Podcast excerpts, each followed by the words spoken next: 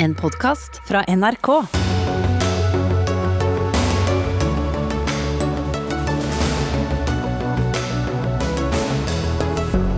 Flommen i Tyskland er den største tragedien på flere tiår. Landsbyer er ødelagt, flere enn 120 mennesker er bekreftet omkommet. Katastrofen kan også påvirke hvem som styrer Tyskland etter valget. Kvinner over hele verden nekter å føde før klimakrisen er løst. MDG innfører babyskam, svarer Frp. Er Kristelig Folkeparti åpent for et samarbeid med en Arbeiderparti-Senterparti-regjering etter valget i Norge? Nei, sier partiledelsen. Mens lederen i Tankesmien Agenda er overrasket over Olaug Bollestads utspill denne uken. De store fra filmverdenen har stimlet sammen i Cannes i år. To års festival i én, og nå kan det vidunderlige skje. To norske filmer kan få ettertraktede priser. Men regissør Eskil Fugt tar det hele med knusende ro og blir med i Dagsnytt 18. Velkommen med Ugo Fermariello i studio. Flere enn 126 er det siste antallet på bekreftede omkommet i flomkatastrofen i Tyskland.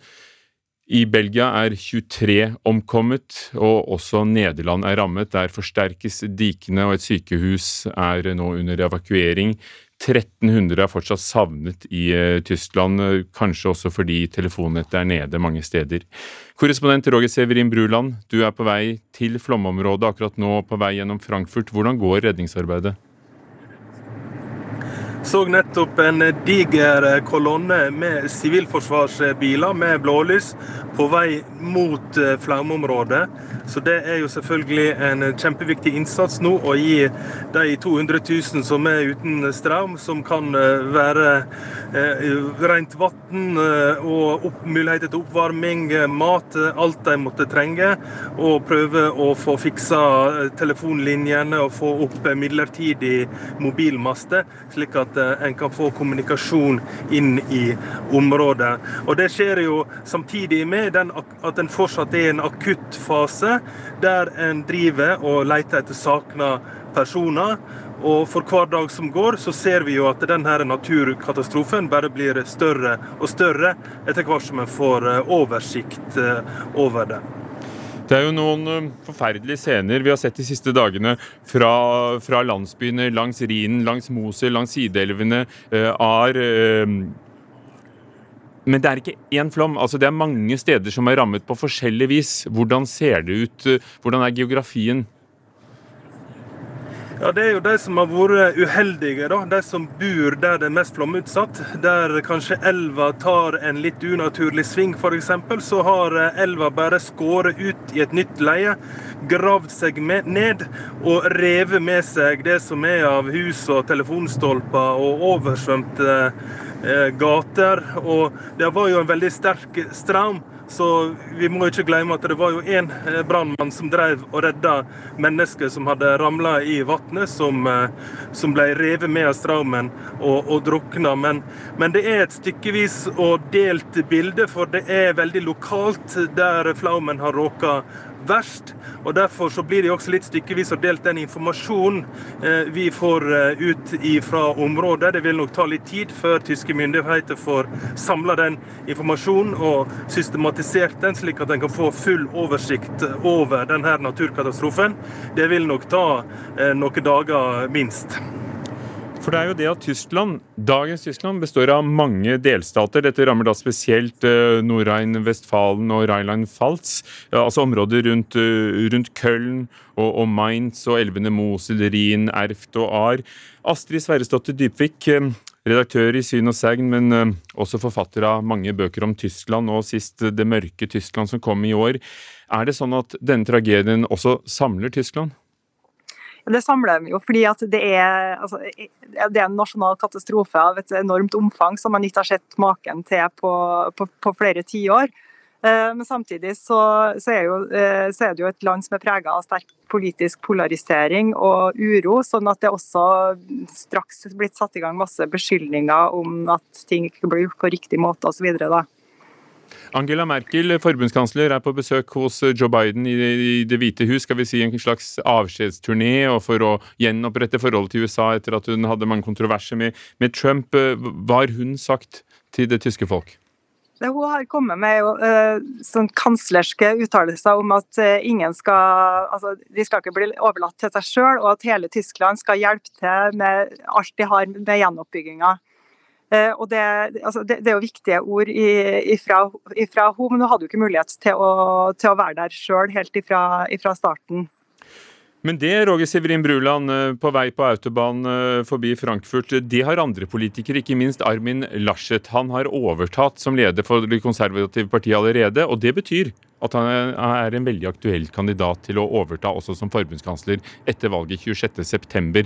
Hvordan har han skal vi si, eh, møtt katastrofen, for dette skjer jo i, i hans hjemstat? Han eh, skjønte nok eh, ganske raskt at eh, her måtte han på plass. Han var jo egentlig på vei til et valgkamparrangement i Bayern. Han reiste sporenstreks og kom ganske tidlig i går på plass. Sto på direktesendt fjernsyn i flommen med gummistøvler og uttrykte sin djupeste sympati. Og selvfølgelig også at han skulle fronte klimakampen. Og Det blir jo en måte å ta litt luven av, eller narrativet fra De Grønne, som jo er en stor eh, rival nå i, i valget, og vise at eh, også han eh, som en mulig ny kansler vil ta klimakampen på alvor. Og En skal ikke se vekk ifra at den flommen her kan bli et viktig diskusjonstema nå i valgkampen fram mot, mot valget i september, der Merkel skal gi seg. og det skal velges en, en ny person som skal lede Tyskland. Et, et, veldig viktig valg. Og ja, nå kom den flommen som, som kan være med å påvirke det valget. Hva sier du, Astrid Sverresdotter Dypvik? Vil Eh, vil det styrke eller svekke CDU og de konservatives sjanser og Armin Laschet, da? Altså det, det vil, vil, jo være veldig avhengig av hvordan han håndterer, hvordan han håndterer saken videre. også, for det her, det, det, Mye av katastrofen foregår i, i, den delstaten der han er ministerpresident, altså i Nordrhein-Vestfalen. Eh, så, så, der vil jo også altså Man er nødt til å håndtere det på, på, på en måte som, som folk syns er betryggende. Men altså, det, det, er jo utløst unntakstilstanden der, og det er satt i gang katastrofeberedskap. sånn at det skjer um, det ser ut som at han, han håndterer på den måten, men samtidig så har, han, så har Laschet sagt at uh, det er ikke sånn at man skal legge om krisen, legge om politikken helt pga. en enkeltstående hendelse. altså Der han viser til klimapolitikk, noe som også på en måte mange tolker som at han uh, ikke, ikke går den veien som, som De grønne vil. da. Eh, og, at, eh, og, man vet at eh, altså, de, de, grønne de, de er ganske um, har vært litt tilbaketrukket i starten for å ikke virke sånn triumferende på hva er det vi har sagt, hva er det som vil skje. Eh, eller, vi vet at det vil, at det, at det vil komme eh, sterkt regn og uvær som følge av klimaendringene. De, altså, de vil jo kom til, spille, eh, kom til, å dra det her mer i politisk retning etter hvert, vil jeg tro. Og I Tyskland så er jo klimapolitikk den, altså det, det største samfunnssaken. Den saken som flest folk er opptatt av. Så det er helt garantert at det kommer til å spille en veldig viktig rolle i, i den politiske diskusjonen videre. Mm. Roger, eh, er faren over nå? Drar du inn i et område hvor det handler om å, å, å redde liv og, å sikre hus og bygninger, eller er det sånn at det fortsatt er overhengende fare for at, at, at flere ulykker kan skje? Der virker det ikke som om Roger er med oss lenger. Han er altså på vei ned langs Rindalen til eh, flomområdet. Eh, Astrid Sveidsdottir Dybvik, eh, hva sier meningsmålingene for å ta det politiske bildet? Kan, kan De Grønne styrke seg nettopp fordi miljøsaken er så viktig?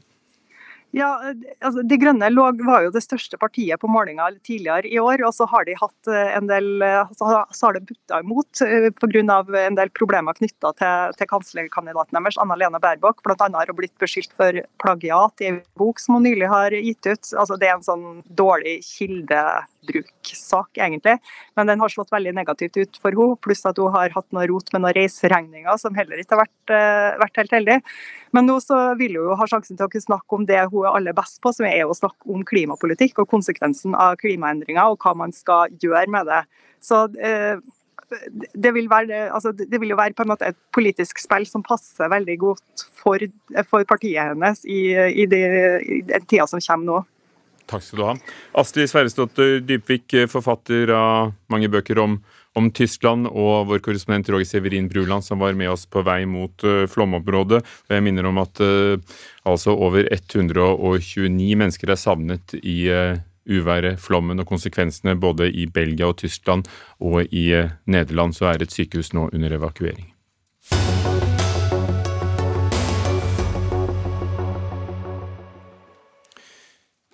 For ikke lenge siden skulket, eller streiket de, barn og unge skolen i protest mot manglende tiltak mot klimakrisen.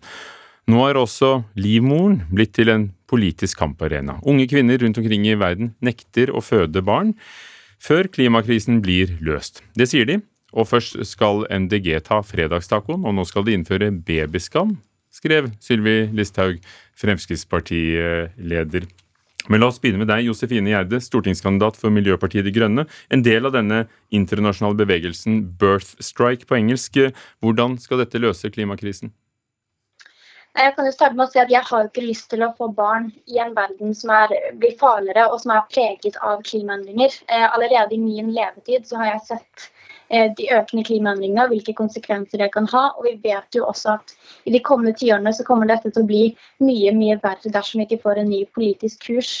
Og nettopp derfor så påpeker jeg hvor absurd det er at Erna Solberg ber norske kvinner om å gå i fødetjeneste for landet, mens hun ikke kan garantere eh, at klimakrisen ikke vil prege våre barns fremtid. Eh, over hele verden så går nå eh, kvinner ut i protest og bruker de virkemidlene vi har, nemlig livmoren vår, eh, for å på en måte si fra til politikerne om at dette holder ikke, vi krever klimahandling nå. Og vi håper at på samme måte som at klimastreikerne klarte å få til et brakvalg for grønne partier over hele verden, og særlig i Norge, med NDG i 2019, så vil også denne protesten føre til politisk endring. Så det er derfor jeg er en del av denne bevegelsen. Det er jo mange som ikke får barn av forskjellige grunner. Men det er jo en veldig personlig måte å gjøre det på. Hvorfor mener du det er riktig å bruke et så personlig virkemiddel som påvirker ditt eh, eget liv på den måten? Det er fordi jeg er redd. Eh, jeg er jo engasjert i politikken fordi klimakrisen er skremmende. Det er vår tids største utfordring. Eh, og for meg personlig så var det da riktig å ta dette valget og kjempe mot klimakrisen med de virkemidlene jeg har, inkludert å fødestreike. Terje Søviknes, andre nestleder i Fremskrittspartiet. Ja, fødselstallene har jo gått ned eh, i lang tid i Norge og i flere land. Hver femte student f.eks. har ikke planer om å få barn. Er det, er, er det da disse fødselsstreikerne som eh, innfører babyskam? Nei, Josefine Gjerde og andre må jo få ta de valgene de ønsker i forhold til det å få barn. Men det vi i Fremskrittspartiet reagerer på, er at MDG nå nok en gang går inn på privatlivets arena og knytter det å få barn opp til klimapolitikken. Eh, og det er ganske harde eh, ord eh, Josefine Gjerde bruker her om å være i fødetjeneste for Erna og for landet osv. Eh, og det er det er jo i rekken av mange kommer med en ganske direkte oppfordring, oppfordring fordi at vi trenger det i forhold til de fruktbarhetstallene som spesielt Norge har nå. Eh, men det føyer seg inn i rekken av radikale tiltak fra MDG som går langt inn på privatlivet til folk flest. Det handler om fredagstacoen som Gjerde vil ha 50 kroner ekstra på toppen av prisen eh, per pakke, og det går på privatbilen Det er hvis du skal ha kjøtt i den. Altså, ja, hvis du skal ha kjøtt igjen, og det er jo det det dreier seg om da. Så, så det går langt inn i privatlivet, og det skaper Altså, det, det er en feil vei å gå i klimadiskusjonen, for den krisen den står overfor, den utfordringen den står overfor, den er global og må løses globalt, og ikke med den type tiltak som plager folk i hverdagen. Josefine Gjerde, hva sier du? Det er mye å ta tak i. Først vil jeg bare påpeke at Dette er et personlig valg jeg har tatt for meg selv. og Det er jo interessant at Frp, som er nokså opptatt av at folk skal kunne bestemme i sitt eget liv, reagerer så hardt på at jeg ikke ønsker barn. Eh, det må jeg bare si Men du bruker det vel Josefine Gjerde, politisk når du står frem i Dagbladet i en artikkel og, og, og kobler det nettopp til ditt politiske ståsted og, øh, og ditt syn på, på verden? Men jeg mener jo ikke at det er umoralsk å få barn. Og jeg heier på alle de som får barn. Dette er jo en oppfordring til politikerne om å eh, ta, gjøre noe med klimakrisen. Eh, ikke til enkeltpersoner om at de ikke skal få barn. Det er jo ikke det dette handler om. Og, og det sånn tror jeg også Søviknes forstår. Søviknes, så får jo dette oppmerksomhet også, også i England og i USA. Er dette et fenomen som får oppmerksomhet? Det er jo et fenomen som får oppmerksomhet. I i hvor stor grad er jeg ikke kjent med, for jeg prøvde å søke litt i dag og fant relativt lite om Bird Strike eh, på, på nettet. Men, eh, men jeg er helt enig, vi skal ikke legge oss opp i Josefine Gjerdes valg, og det sa jeg òg innledningsvis. Men det er jo eh, Gjerde sjøl her som kobler dette til politikk ved å angripe Erna Solberg, statsministeren og regjeringa og norske politikeres eh, klimapolitikk eh, som grunnlag for den beslutningen hun har tatt. Erik Nakkerud, stipendiat ved Universitetet i Oslo. Du forsker på hvordan ett part mindre kan bli sett på som miljøtiltak. Eh, Her snakker vi om ingen barn, og vi snakker om å, å koble det til politikk. Er livmoren blitt eh, en politisk kamparena? Ja, det virker jo som det blir det i, større grad. Og Institutt for samfunnsforskning de hadde en rapport i fjor hvor de så på nordmenns tanker om det å få ett barn til, da, eller flere barn, enten om man ikke hadde barn eller hadde barn fra før av. Og da var det 40% som sa seg litt eller helt enig i at miljøhensyn spiller en del da, eh, inn i ønsket om ikke å få flere barn. Men tror du det virker andre veien? At det å ikke få barn og, og, og snakke om det eh, nå, nå sitter vi her og snakker om det, det står i Dagbladet, det har stått på Facebook, Syvi Listhaug var ute på Facebook. eh, har det noe også å si for den politiske eh, siden av saken? For hvordan politikere tar for seg klimaspørsmål? Det vet jeg ikke helt, altså, men de, de som jeg har snakket med som har tatt et sånt valg som det her, de er jo mange av dem er veldig opptatt av at det er den effekten de ønsker. Én ting er liksom det hva skal man si, private fotavtrykket, hvordan dette påvirker klima- og miljøutslippet fra dem selv. Men eh, den politiske komponenten er noe mange er opptatt av i tillegg. Da, at de Er ønsker, mange? det, er, altså, det er jo disse 40 prosentene som da sier seg litt eller helt enig i at miljøhensyn er en del av det å ikke få flere barn. da. Eh, Da er det 20% på litt enig og og 20 på helt enig, sånn cirka. Men, eh, men det er jo ikke en enorm bevegelse. Det er det ikke. Eh, Josefine Gjerde, ville du tatt de 40 prosentene inn til inntekt for, for dere fødselsstreikere? Eh, Det er jeg usikker på, men jeg tenker det som er viktig å konkretisere, er det at jeg fødestreiker. Det handler jo ikke om at jeg syns det er galt å få barn. For jeg mener jo ikke at vi løser klimapolitikken ved at eh, kvinner og menn velger å ikke få barn. Da på en måte begynner vi helt feil. Dette er jo eh, en desperat handling fordi vi unge vokser opp i en verden som blir farligere og farligere fordi politikere ikke har tatt ansvar for klimakrisen. Eh, vi må jo løse klimakrisen ved å endre politikken så folk kan leve gode liv innenfor klodens tålegrense, og ikke nødvendigvis måtte ty til så desperate virkemidler som å ikke få barn, fordi det har et eh, fotavtrykk på kloden. Og så må Jeg bare si at jeg er ekstremt lei av at Frp gang på gang skal avspore klimadebatten til å handle om skam og til å karakterisere oss i MDG. Jeg tar gjerne en klimadebatt om faktiske tiltak, og jeg er gjerne klar for å høre hva Søviknes faktisk har lyst til å gjøre med klimakrisen, før han eh, nok en gang angriper oss i MDG. Tar du den ballen? Ja, Det hadde vært mye mer interessant å diskutere reell klimapolitikk med MDG, men de har en tendens til å gå inn i alt som har med privatlivet til folk å gjøre her hjemme. Og vi har ikke en egen atmosfære. Vi har ikke ei osteklokke som, som ligger over Norge. Går hun ikke bare inn i sin, e- sitt eget privatliv, tar et personlig valg og sier jo, men hvorfor? mange av de andre tiltakene, òg fra uh, Josefine Gjerde, handler jo om folks privatliv. Jeg nevnte 50-lappen på fredagstacoen uh, i sted. Men all avgiftspolitikk eller eh, Jo, all jo, men- politikk men- påvirker jo, livene våre. Poenget mitt er at alt dreier seg om lille Norge og det privatlivet vi har som enkeltinnbyggere her, istedenfor å diskutere det store globale bildet. Og det er der klimapolitikken i Norge sporer av etter mitt og FrPs syn, fordi klimakrisen er global, den må løses globalt, og det handler ikke minst om energi. Og så blir det så fint i Norge, da. jo, men vi må jo altså, hvis en skal lykkes med å løse noe som er globalt, så må man faktisk jobbe globalt med det. Og alle snakker så fint om at, eh, og det har òg Gjerde sagt, at eh, liksom vi må nå målene i Parisavtalen, og har sagt nå 2030 og utslippskutt på 50-55 eh, som, som viktig for henne som en målestokk på om vi lykkes eller ei. Men, men, la oss ta jo, men det poenget ditt til MDG. Ja, men jeg må bare få avslutte det. fordi at Parisavtalen den legger jo da opp til at landene frivillig skal legge inn sine utslippskutt. Og ta da Kina, India, andre store land som har langt, langt, langt større utslipp enn det Norge har. De skal altså ikke ha et eneste klimakutt i fram til 2030. Det eneste de har forplikta seg til, er at de ikke skal øke utslippene etter 2030. Men nå er det foreslått toll på varer fra dem, det er i hvert fall i EUs siste klimapakke. Men uansett, la oss ta dette poenget, Josefine Gjerde. Påstanden er at dere uh, tenker lokalt. Uh, Ikke bare lokalt, inn i folks private hjem.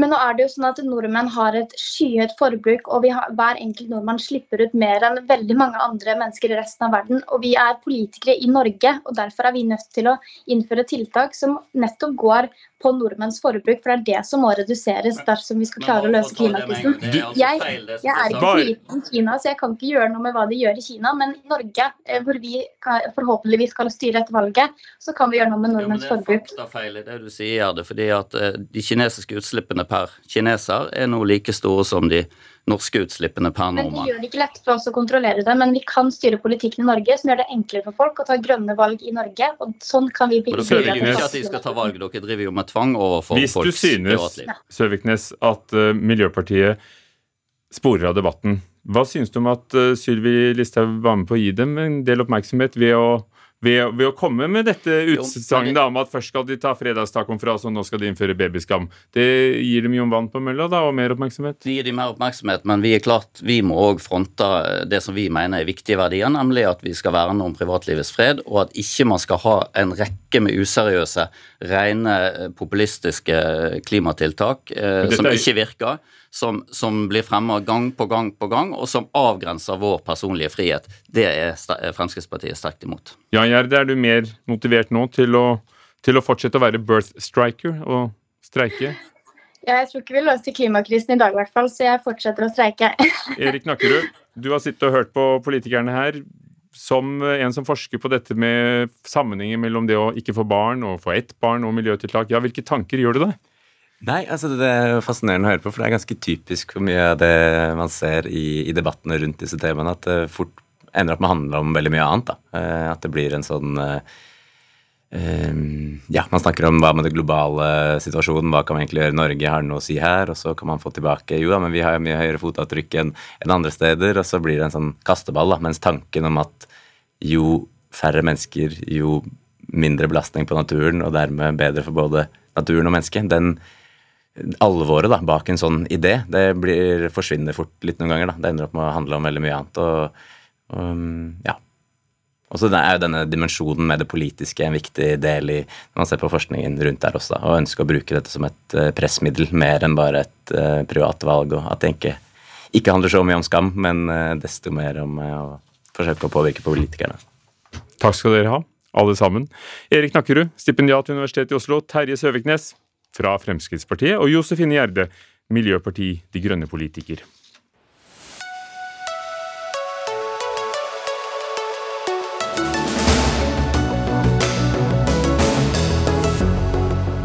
Det var norsk politikk. I Texas i USA har eh, titalls demokrater, folkevalgte, forlatt staten for å hindre republikanere å vedta endringer i valgloven, som de mener vil gjøre at eh, færre fattige og færre svarte og latinamerikanere vil stemme. Hvordan det henger sammen, og hva det betyr for USA, det skal vi få vite senere mot slutten av Dagsnytt 18 her i dag. De færreste av oss, er kanskje ikke klar over at det å det å benytte noen setninger i en eksamensbesvarelse fra en tidligere oppgave du selv har skrevet, det kan telle som plagiat. Det visste ikke den 21 år gamle sykepleierstudenten ved Universitetet i Agder. Og det er deg, Karina Roksvold Skjold. Du har fullført to år av sykepleierstudiene. Og nå er du da, som det heter, blitt tatt i plagiat, og straffen er å bli utestengt fra universitetet i to semestre. Det betyr altså et helt år. Med dine ord, hva var det som skjedde?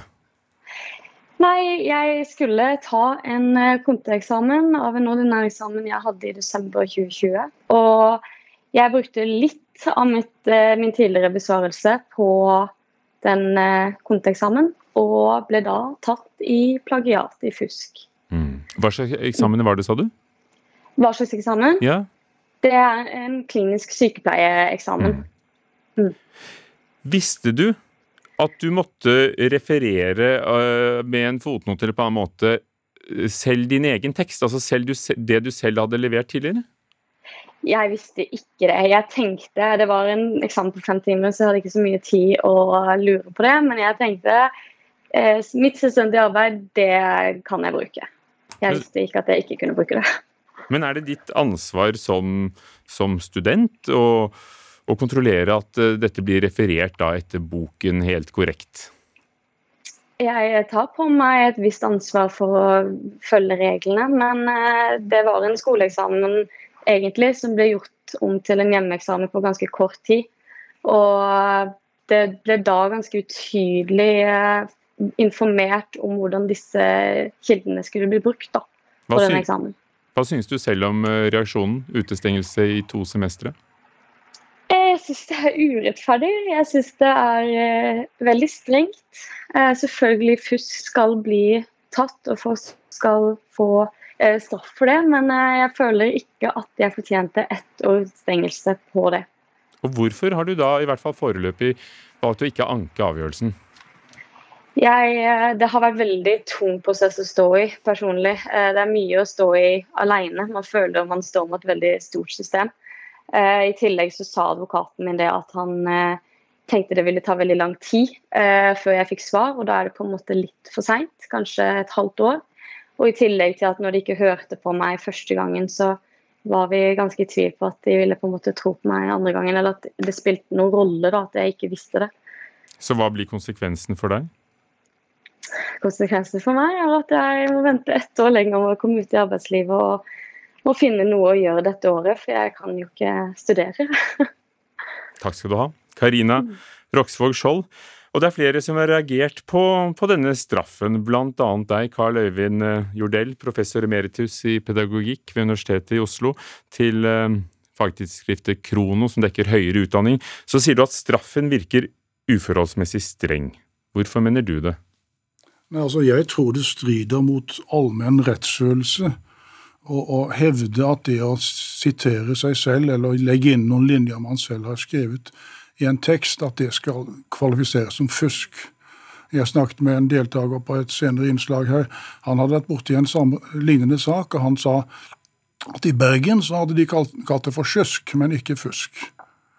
Eh, og dessuten så er det jo dette med anketiden. altså hvis det er så riktig at man ikke får avgjort en anke før langt ute i det studieåret man utestenges fra, så, så, så, så strider det også mot vanlig rettsfølelse, vil jeg mene.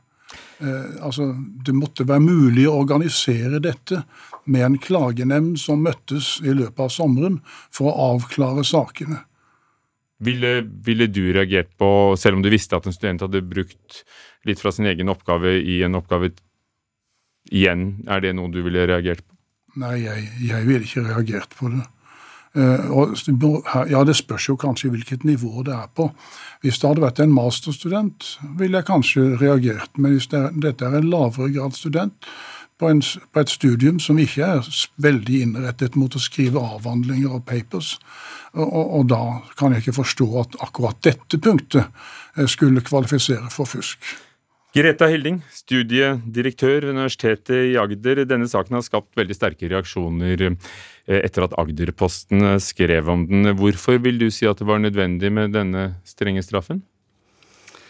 Ja, Først har jeg bare lyst til å si at vi har jo, vi har jo veldig forståelse for studentens situasjon, og at det oppleves som, som vanskelig. og vi har jo også en erfaring med at uh, det er ikke alle studenter som er like godt kjent med reglene. Og dette med selvplagiat, at det regnes som fusk, det ser vi jo også at det, det er mange som reagerer på. Men det er jo tydelig at det regnes som fusk uh, ikke alle steder? Uh, det kan være at det er litt variasjon i praksis ved de ulike institusjonene, men Felles klagenemnd, som er det, det, organet som behandler klage på, på, de lokale institusjonene sine vedtak, de har iallfall en klar praksis med at, at selvplagiat også regnes som fusk. Så i dette tilfellet, som da er sykepleierstudiet og, og ikke, ikke, ikke hovedfag i pedagogikk, men hvorfor var det nødvendig med en så streng straff, som var spørsmålet? Ja, så har jeg lyst til å si en ting til, at denne saken kan du ikke svare på spørsmålet, er du snill?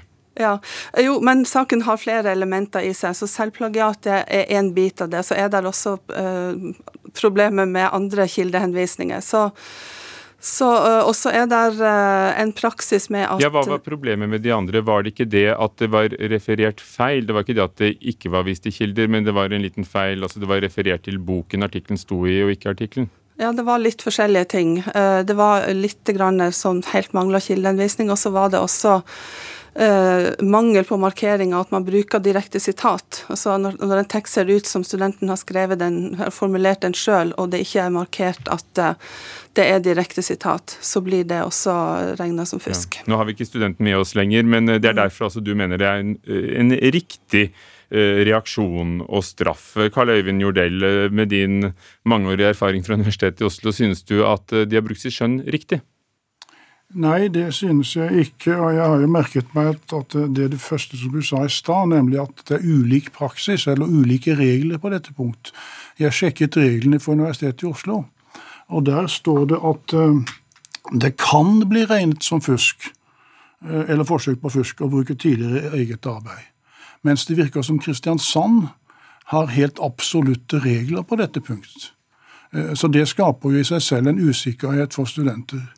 Eh, og den, denne klagenemnda, den felles klagenemnda, eller den heter eh, noe annet, den heter Felles klagenemnda, den, der, der fremgår det av årsmeldingen at de har hatt delt seg i et flertall og et mindretall i synet på dette med selvplagiering.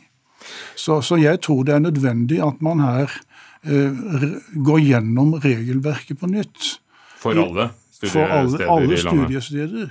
Eh, og, eh, og vurderer hva som skal være virkelig fusk, og hva som ikke skal være det. Og viktigere, får en orden på, det, på, på tidsaspektet, slik at anker kan bli avgjort innen neste studieår starter. Da, eh, La oss ta de poengene der. Eh, Greta Helding får ta det siste først. Eh, hvis studenten nå skulle anke, så, så skjønte vi at det tar da så lang tid at i praksis så er jo, selv om hun skulle fått medhold, så ville det ha gått så lang tid at man har mistet verdifull studietid uansett? Ja, det er for så vidt riktig. det. Dette med, med klagebehandlinga er jo ikke noe som institusjonene styrer, det er jo den felles klagenemnd som, som, styrer det. Men hovedregelen er at uh, vedtakene iverksettes med en gang. Uh, og at det med om klagebehandlinga tar litt tid, det det blir ikke ansett som en grunn til å utsette iverksettelsen av vedtaket. Det, det er nokså fast praksis i, Men i sektoren. Men burde det, når vi nå hører om at det tydeligvis er forskjellig praksis da, for, å, for å ta to universiteter, Oslo og Agder, øh, burde vi hatt ett felles regelverk og en kjappere prosess? Hva ja, syns du?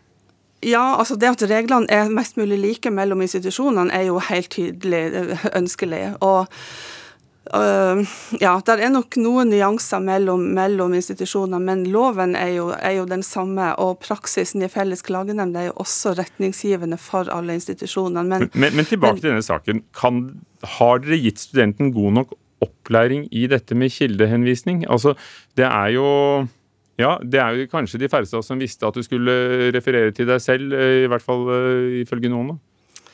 Ja, altså det, det, står, eh, Hvis man oppsøker informasjon på nettet, så, så står det nokså tydelig at selvplagiering også regnes som fusk. Er det sånn dere underviser så, elevene ved at de selv skal finne ut av det på nettet? Uh, nei, og så er det, altså vi har generell informasjon på nettet. Så har vi lenker fra denne læringsplattformen vår som heter Canvas. Der er det lenker til den informasjonen i alle emnerommene. Og så gis det jo også informasjon av de emneansvarlige eller foreleserne. Men det er klart denne saken gir oss jo en grunn til å se på om vi skal gjøre den informasjonen enda tydeligere når det gjelder selvplagiering. Vi, vi ønsker jo absolutt ikke at studentene skal komme opp i disse situasjonene og ikke være klar over uh, regelverket. Jordel. Og her er det jo også slik at, som studenten sa, dette var en eksamen som var planlagt som en skoleeksamen men som ble en hjemmeeksamen. Så vidt jeg forstår det bare fem timer til disposisjon. Og da skulle sette seg inn i regler for hjemmeeksamen til forskjell fra skoleeksamen. Altså vanlig eksamenssituasjon. Da kan man jo ikke fuske. Og burde ikke det da, sammen med at dette er en student som har to år med studier og eksamener og aldri blitt tatt for noen ting uregelmessig tidligere, vært en formildende omstendighet, Greta Hilding? Ja, Nå har jo klagenemnda vår vurdert alle aspektene ved, ved, denne saken. og så har jeg også lyst til å si at det er jo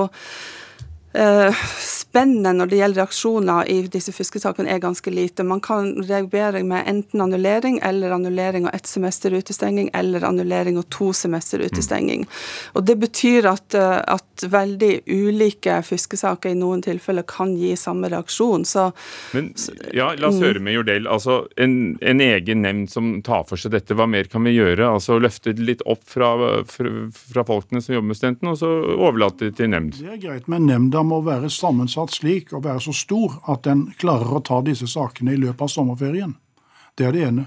Og Det andre er det noe som ble berørt fra Kristiansand, nemlig at man har anledning til å begrense seg til å annullere eksamen. Det er det, det som står først i loven når det gjelder slike reaksjoner. Takk skal dere ha. Der står saken nå, begge to. Carl Øyvind Jordell, professor emeritus fra Universitetet i Oslo, og Greta Hilding, studiedirektør ved Universitetet i Agder.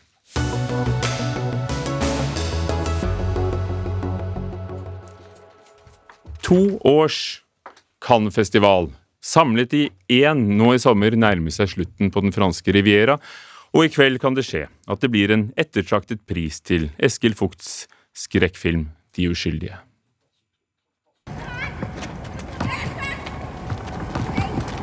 Er du ny her? Ja.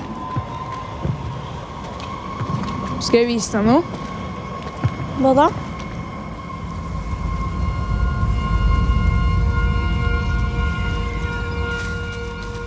Eskil Fugt, regissør, du opplevde to premierer i Cannes. Siden du har skrevet eh, både manus til Joachim Triers film 'Verdens verste menneske', som er med i hovedkonkurransen, og da regissert din 'De uskyldige'. Og det var første gang du så filmene med publikum. Hvordan var det? Nei, det er jo sånn når man lager film i, eh, at man ofte viser det til publikum underveis. Men det kan, har vi ikke fått gjort under pandemien. Og så plutselig står vi der eh, og har ja, over 2000 mennesker i denne kinosalen, over 1000 i den andre. Alle sitter tett sammen og opplever det og skvetter og ler. Eh, nei, det var helt fantastisk. Det var eh, overveldende. De uskyldige er med i uh, sideprogrammet Un certain regard, et, et, et visst blikk, uh, som har en ettertraktet pris. Om én time så er de klar i salen i Cannes for å, å, dele ut prisene, og du har altså så mye ro i sjelen til at du tør å være i Norge på hytta? Det er jo juli og det er sommerferie. Ja, med en gang jeg var ferdig med visningene og gjort all pressen der nede, og det var ganske mye presse, så var det hjem og bare tenke nå skal jeg slappe av, ikke tenke på noen priser eller noe. Nå har filmene gjort sitt, og da er det på tide å prøve å være litt eh, far i, på ferie.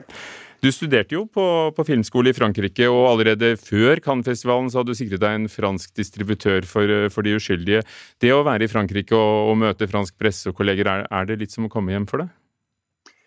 Det, altså det jeg kan si er at uh, Etter å ha bodd mange år i Frankrike og gått på fransk filmskole, så vet jeg hvor eh, hva skal man si, lunefulle og arrogante franskmenn kan være. så når jeg da sitter og jeg har først kommet med på verdens største festival, som er fransk, og, og så får jeg en utrolig varm mottagelse av fransk presse, så blir jeg mest sånn lettet, fordi de kan rive deg i stykker. Kjetil Lismoen, redaktør i bransjebladet Rushprint og filmkritiker i Aftenposten. Du kom hjem i går kveld fra Cannes. Hvordan har det gått for eh, de to norske filmene? Jeg vil vel si at det er gått over all forventning. Eh, jeg tror ikke de kunne ha bedt om en mer eh, vellykket eh, internasjonal premiere, noen av filmskaperne. Rett og slett fordi altså, responsen har vært såpass altså, gjennomgående positiv. Både fra kritiker og publikum og bransje. Så med eller uten pris så vil Joakim Trier og Eskil Vogt kunne dra hjem og være veldig fornøyd, tipper jeg. Hva syns du om filmene? Jeg syns de er veldig gode filmer. Eh, jeg har anmeldt begge for Aftenposten. Og uh, Eskils film, altså vi snakker med Eskil nå, altså den er jo ganske grenseoverskridende og nyskapende i norsk sammenheng, men også hevder mange kritikere i Cannes i internasjonal sammenheng. Det er en spennende horrorhybrid. Så de har ikke bare laget gode filmer som uh, vil stå seg godt i møte med et publikum, men de de får mye kritikerros. Og nå er da arbeidet i gang da, med å skaffe distributører, og det er allerede samtale med, med distribusjon i USA. De uskyldige har fått distribusjon i USA med, med Sony Pictures, uh, Sony Classics. Kan bransjetreff, eh, men også kjoler og smoking. Et sted å møtes for eh, verdens beste filmfolk. Eskil Fugt, fikk du selv sett eller møtt noen du beundrer? Først må jeg bare si at vi har, ikke, vi har ikke låst noen amerikansk distribusjon på de uskyldige ennå. Vi har amerikanske distributører som har lagt inn bud, og vi snakker med dem osv. Men 'Verdens verste menneske' er solgt til Nyon, som hadde parasitt for uh, nettopp. Så det er blitt annonsert. Men vi må egentlig sitte veldig rolig med, ja, i båten med jeg, alle jeg, sånne jeg blandet det litt sammen der. Det var bra du rettet det opp i, i tilfelle noen i Hollywood hører på Dagsnytt 18. Men, men det med Cannes som et sted for å møtes, uh, har du selv møtt noen du, du likte å møte eller stå i heisen ved? Du, jeg jobbet jo hele tiden, så på et tidspunkt så, så, snudde jeg meg når vi skulle bli tatt bilder av med de uskyldige, og så sto jeg ved siden av Catherine Deneuve. Uh, og det hadde jeg ikke lagt merke til engang. så sånne ting skjer jo i Cannes, da. Som er uh, som at man står ja, plutselig ved siden av, uh, innenfor pandemimeteren til og med, legendarisk filmstjerner. Men ellers så var det Hva skal man si? Det kan ha bare den følelsen at alt kan skje, og det gjør både veldig skummelt og, og veldig spennende. Og i år var jo et utrolig sterkt år, sier alle, som hadde tid til å se filmer. Med veldig mange store navn, veldig mange filmer som ble godt mottatt. Så å være i det selskapet har vært uh, fantastisk. Kjetil Ismoen, for deg som fikk tid til å se noen filmer, hva gjør Kan sterk, selv om det er høy uh, kjolefaktor og rød løper? På papiret så var det et veldig sterkt program. Uh, men med så mange skal vi si, helter, så er det alltid noe som skuffer. Men, men jeg vil jo si at det var altså Eh, de konkurrerer begge i, i råsterke program, eh, hvor eh, det ikke er noen veldig åpenbare kandidater til å vinne Gullpalmen. Det er ingen sånn soleklare favoritter som det noen ganger tegner seg til å bli.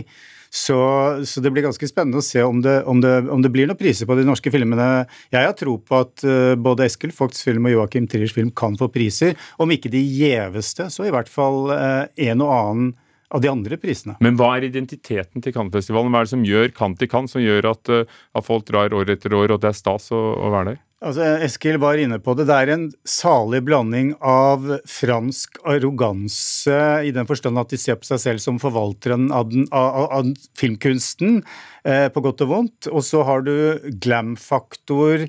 Du har alle disse andre tingene som egentlig for mange er litt sånn uvedkommende for filmkunsten, når, de, altså når du skal på en måte dyrke filmkunst, men som franskmennene har gjort til en del av pakka, og hvor røde løperen er på en måte den mest, den mest synlige innpakningen. Hvor det, hvor det ofte er, handler om helt andre ting. Det handler om hvilken kjole Renate Rensve brukte idet hun gikk opp den røde løperen osv. Så, videre. så det er, en, det, det, det er børs og katedral i en uh, salig forening. Klarer de å, å sette dagsordenen? De klarer ofte det. Jeg, eh, altså, de greier også å få inn, sånn som de i, i går, så viste de helt overraskende en, en kinesisk film, eh, eller altså en film fra Hongkong som handler om demokratibevegelsen der, som ikke var annonsert, og som har skapt ganske mye røre fordi den er ekstremt kritisk overfor kinesiske myndigheters innblanding i Hongkong. Og, og det har de klør til å gjøre. altså Katten har fortsatt klør, da. altså det er de våger fortsatt å, å, å, å utfordre. Og, og, så lenge de gjør det, så kan jeg tilgi ganske mye dill, altså. Og i morgen så er det da utdeling av de prisene i Festivalpalasset til hovedprogrammet, hvor altså verdens verste menneske er, med, med regi eh, Joachim Trier, og, og, manus av deg, Eskil Fugt. Og så er din pris eh, kanskje Altså din film er med i Ansatangard, der er det priser nå i kveld. Når den har premiere, i 3. september og åpningsfilmen på, i Haugesund, den norske filmfestivalen. Hva vil du si til oss som publikum? Hva kan vi vente oss av filmen din, Eskil? Nei, jeg eh, gjorde jo Jeg visste ikke at det skulle intro i Cannes, så da greide jeg å holde en litt sånn søt intro om at det handlet om barndom og var litt inspirert av å få barn selv og sånn. Og så tror jeg glemte å forberede folk på at til tross for at den er en film om barndommens magi og hva som skjer når barn leker og de fantastiske tingene som kan skje da, så er det også en ganske intens og, og skummel film. Fordi det er jo Jeg selv har aldri, aldri vært så redd som jeg var da jeg var barn. altså Den følelsen av at du har den fantasien, og du kan stirre på en skygge på veggen når du skal sove, og så blir du livredd. Du blir helt lammet av angst og får ikke sove. Det er også en del av barndommen. Den er ikke bare sånn nostalgisk og rosenrød. Så det er også noe det filmen handler om, da. At den eh, skaper en spennende historie på vei inn i den magien som også ja, går noen mørke steder underveis. Takk skal dere ha.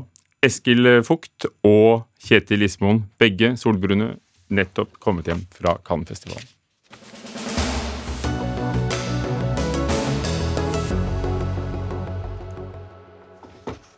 Kristelig Folkepartis nestleder Olaug Bollestad var gjest i Politisk sommerkvarter i Nyhetsmorgen i går. Selv om hun i dag sitter i regjering med Høyre og Venstre, utelukket ikke nestlederen å samarbeide med en regjering som besto av Arbeiderpartiet og Senterpartiet, hvis stortingsvalget ender med rød-grønt flertall. Dette var spørsmålene hun fikk i Politisk kvarter i går. Hva er politisk galt med en Arbeiderparti-Senterparti-regjering med Kristelig Folkeparti som opposisjonsparti i Stortinget, som kan påvirke politikken? Spissører, dette er det hun svarte. Nei, Det er jo ikke noe galt i, i, i, det, hvis det blir valgets vinner, på en måte. Eh, og KrF er et sentrumsparti som gjør at vi tar noe både fra høyresida i norsk politikk og venstresida i norsk politikk. Det er jo eh, det som gjør at vi er i sentrum av norsk politikk. Nettopp at vi har verdier fra begge sider, som betyr at vi er i stand til å finne politiske eh, konklusjoner og vedtak sammen med både Arbeiderpartiet og Senterpartiet, men òg i høyresida av norsk politikk. I etterkant har Bollestad på sin egen Facebook-side avvist at eh, partiet ønsker samarbeid med rød-grønn side. Og vi har invitert ledelsen i Kristelig Folkeparti, også Bollestad, til oss i dag, men de takket nei til å komme. Men eh, du takket ja. Trygve Svensson, leder i Tankesmien Agenda. Hva, hva får du ut av det du hørte her? Jeg syns jo det er interessant og, og kanskje litt overraskende. Uh, Olaug Bollestad uh, hun er jo en uh, veldig sånn fascinerende og artig politiker. Hun har sjarmert hele det norske folk med Instagram-kontoen sin, og hun er veldig sånn tydelig. Også, men hun jo, har jo også vist at hun kan være ganske sånn hard i klypen. Og hun var jo ved siden av Kjell Ingolf Ropstad kanskje den viktigste aktøren som gjorde at KrF, når de skulle gjøre sitt ganske sånn eksistensielle retningsvalg høsten 2018, så gikk de til høyresiden, samarbeider med Frp, med Høyre og med Venstre et sånn forpliktende eh, samarbeid til Høyre i norsk politikk. Så Derfor så var det nok mange som skvatt litt når de så at å ja, plutselig så var det regjeringsalternativet som Hareide jo skisserte, nemlig Arbeiderpartiet og Senterpartiet, det var også en mulighet. Så, så det er litt vanskelig å vite hvordan man skal tolke dette. Eh, jeg er ikke inne i Ole Bollestads hode. Det virker som et morsomt sted å være, for hun er en artig, artig type, så jeg kan ikke vite det sikkert. Men enten så er det et sånn type prøve, en prøveballong, eller så er det en forsnakkelse. Eh, jeg syns i hvert fall det var litt overraskende. Emil André Gjerstad, kommentator i Vårt Land, med bakgrunn som politiker og rådgiver i Kristelig Folkeparti. Ja, hva får du ut av det Bollestad sa? Er det en eh, er det en prøveballong eller en forsnakkelse? Jeg tror ikke det er noen av delene. Jeg tror, uh, syns ikke det Ole Bollestad sier her er så veldig overraskende. Det, det, er helt i tråd med det som har vært eh, KrFs linje helt siden retningsvalget, egentlig. Nemlig at uh, uh, en kan stemme for den politikken en er for i samarbeid med begge sider, hvis det skal være aktuelt. Men nå sitter en altså i regjering med Eh, Høyre og Venstre. Og det er den linja jeg tror eh, eh, KrF Det er stor konsensus om internt i KrF. Jeg opplever ikke, ut ifra de kjeldene jeg har i partiet nå som politisk kommentator, og ikke som medlem, at det er noe stor diskusjon om, om retningsvalg nå før valget. Men, men det Ole Bollestad sier er helt ukontroversielt, nemlig at hvis Arbeiderpartiet og Senterpartiet danner regjering, sånn som en kan få inntrykk av at de kanskje kommer til å gjøre, så, eh, så kan KrF samarbeide i sak til sak eh, med dem og stemme for den politikken de er for. Det ville jo vært mer sensasjonelt hvis Ole Bollestad i Politisk kvarter sa det motsatte.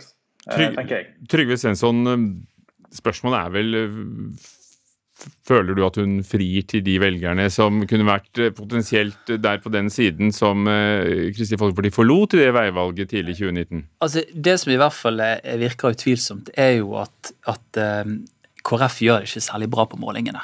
Når Hareide stilte seg opp høsten 2018 og sa vi prøver å få til en allianse med arbeiderbevegelsen, bondebevegelsen og kirkefolket, så strømmet mange tusen medlemmer til partiet etter at de gjorde veivalget sitt, så har det stort sett gått nedover. Og Det er jo på en måte det ledelsen i KrF regner jeg med også ser. At dette er et veivalg som har fått noen konsekvenser. Og det er jo klart.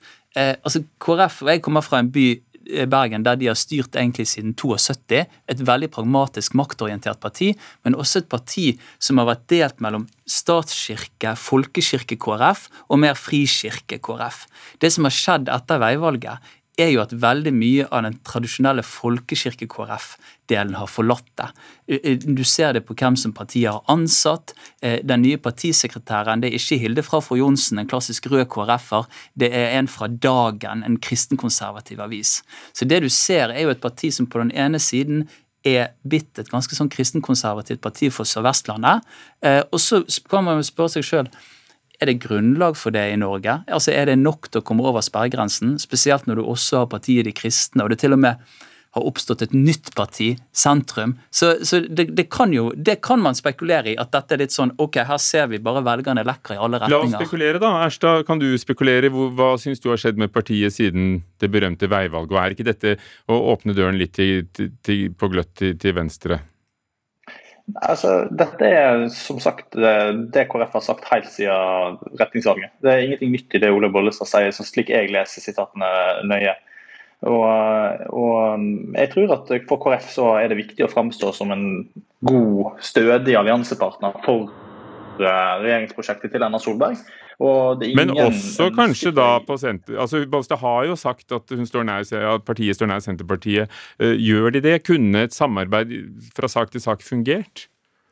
Altså, Jeg tror at, uh, at det stemmer at KrF har mye til felles med Senterpartiet i mange spørsmål. Men jeg tror i internt til KrF nå så er det et ønske om å ikke spre usikkerhet om hvem partiet skal samarbeide med etter valget. Og Derfor så tror jeg ikke Eh, det var et ønske at, eh, at Ole Bollestads uh, sitat skulle slås opp sånn som det gjorde. Jeg tror kanskje det ble vinkla litt hardt fra NRKs side. Og at, og at vinklet og vinklet. Vi, vi, hørte jo bare hva hun sa. og, og, og hva, synes, hva, leser du ut av det at ingen i ledelsen hadde lyst til å komme og si noe mer om det?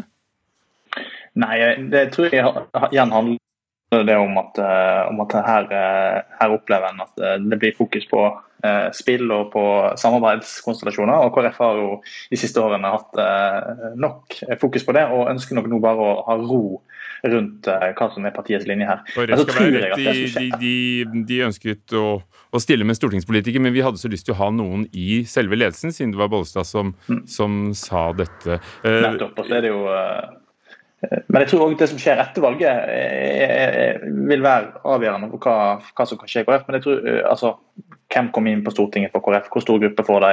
Hva blir stemningen på borgerlig side? Blir det partilederskifte i Høyre? Hvordan opptrer Senterpartiet og Arbeiderpartiet mot uh, overfor KrF? Om de konfronterer KrF, eller om de inviterer KrF til samarbeid i konkrete saker. Sånne ting tror jeg vil ha mye å si på, på hva, hva eh, stemninga vil være i KrF. Men jeg tror ingen i KrF nå sitter og diskuterer ja. ja.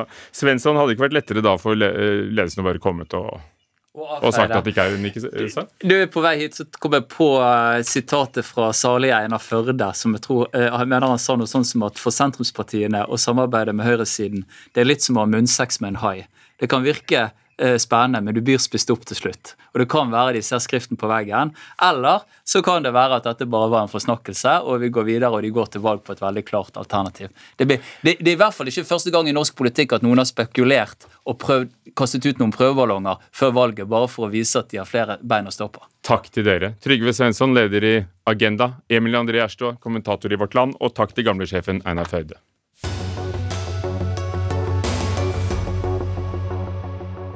Hvordan stanse en lov du um, ikke vil vite av? F.eks. i USA kan du stikke av til hovedstaden Washington DC. Det har et titalls demokrater i Texas uh, gjort. Det skjedde sist mandag for å stanse en endring i valgloven i hjemstaten.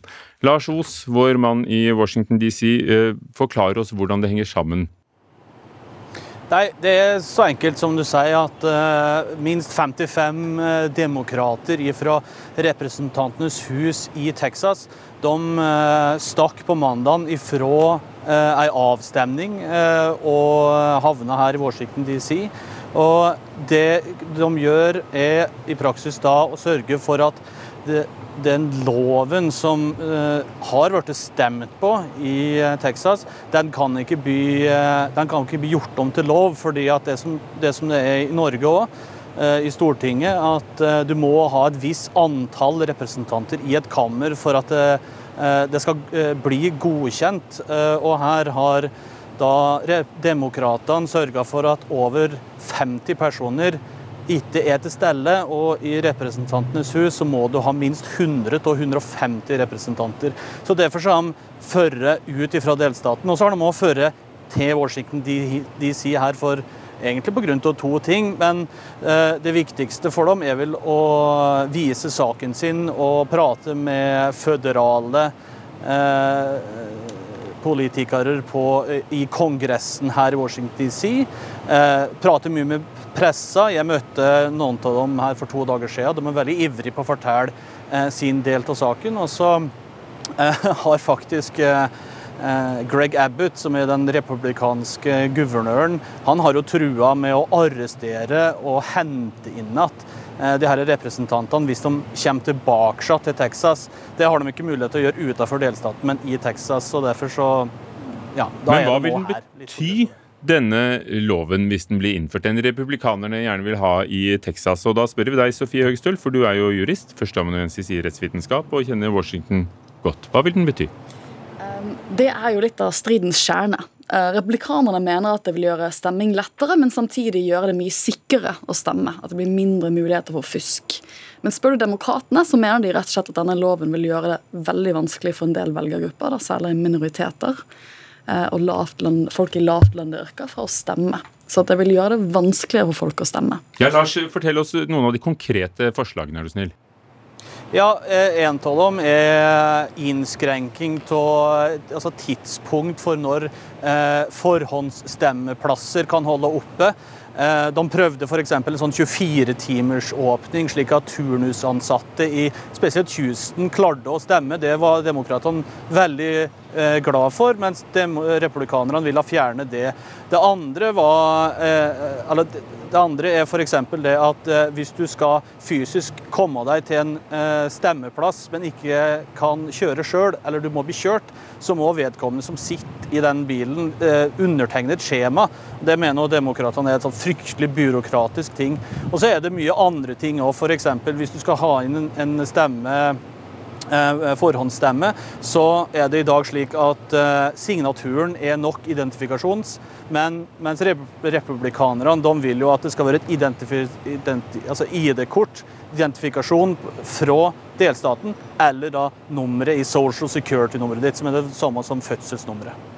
Sofie Høgestøl, Det høres jo litt sprøtt ut i norsk sammenheng at, de, at, du ikke skal ta med deg identifikasjon, for f.eks. Altså, mange av forslagene virker jo litt absurde på oss. Mm. Altså, Hvis du skal forhåndsstemme i Norge, så trenger du ID. Uh, men, men, det er jo litt av problemet med å se på en sånn type lov enkelt, stykkevis. For det som er viktig i valgloven, er at du treffer en god balanse mellom at du gjør det lett for folk å stemme, men at man samtidig føler at det er sikkert nok til at man har tillit til systemet og det ikke blir valgfusk. Og så er det et ledd i en større bevegelse i USA. Man, man kan ikke da bare trekke ut en enkelt sak og si sånn er dette riktig eller galt. Man må jo se på hele systemet om det funker. Og spørsmålet er om totaliteten i disse forslagene vil gjøre det vanskeligere samlet sett for folk å stemme. Eh, og dette som du sier, er jo en, del av et mye større bilde. Valglover i USA nå er en av de største og heteste politiske temaene. Det er ikke tilfeldig at de har reist til Washington DC. Der ønsker jo demokratene i det føderale systemet å stramme inn handlingsrommet til stater som Texas til å lage nettopp sånne lover. Å lage mer sånn nasjonal lovgivning og gi mindre handlingsrom til delstatene. Eh, det har de ikke nok stemmer til å gjøre i dag. Eh, men det ønsker de å gjøre, og Biden kom jo med en kraftfull tale selv eh, for et par dager siden om dette med demokratiet.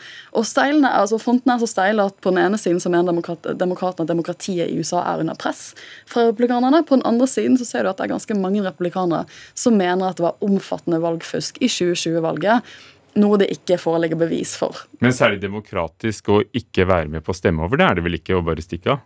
Nei. Og det, en, det, det ser du veldig tydelig i, eh, med moderate mediebilder i USA. At det at man stikker av og da således hindrer den demokratiske folkevalgte altså medlemsbefolkningen i Texas om å gjennomføre en lov de har et flertall for, det er kanskje ikke helt demokratisk, det heller. Ikke Dagsnytt heller, for nå er det slutt. Takk, Sofie Jørgestøl og Lars Aas i Washington. Arnhild Myklebust var ansvarlig for det hele. Eli Kirkebø, teknisk ansvarlig. Ugo Fermarello, programleder. Du har hørt en podkast fra NRK. Hør flere podkaster og din NRK-kanal i appen NRK Radio.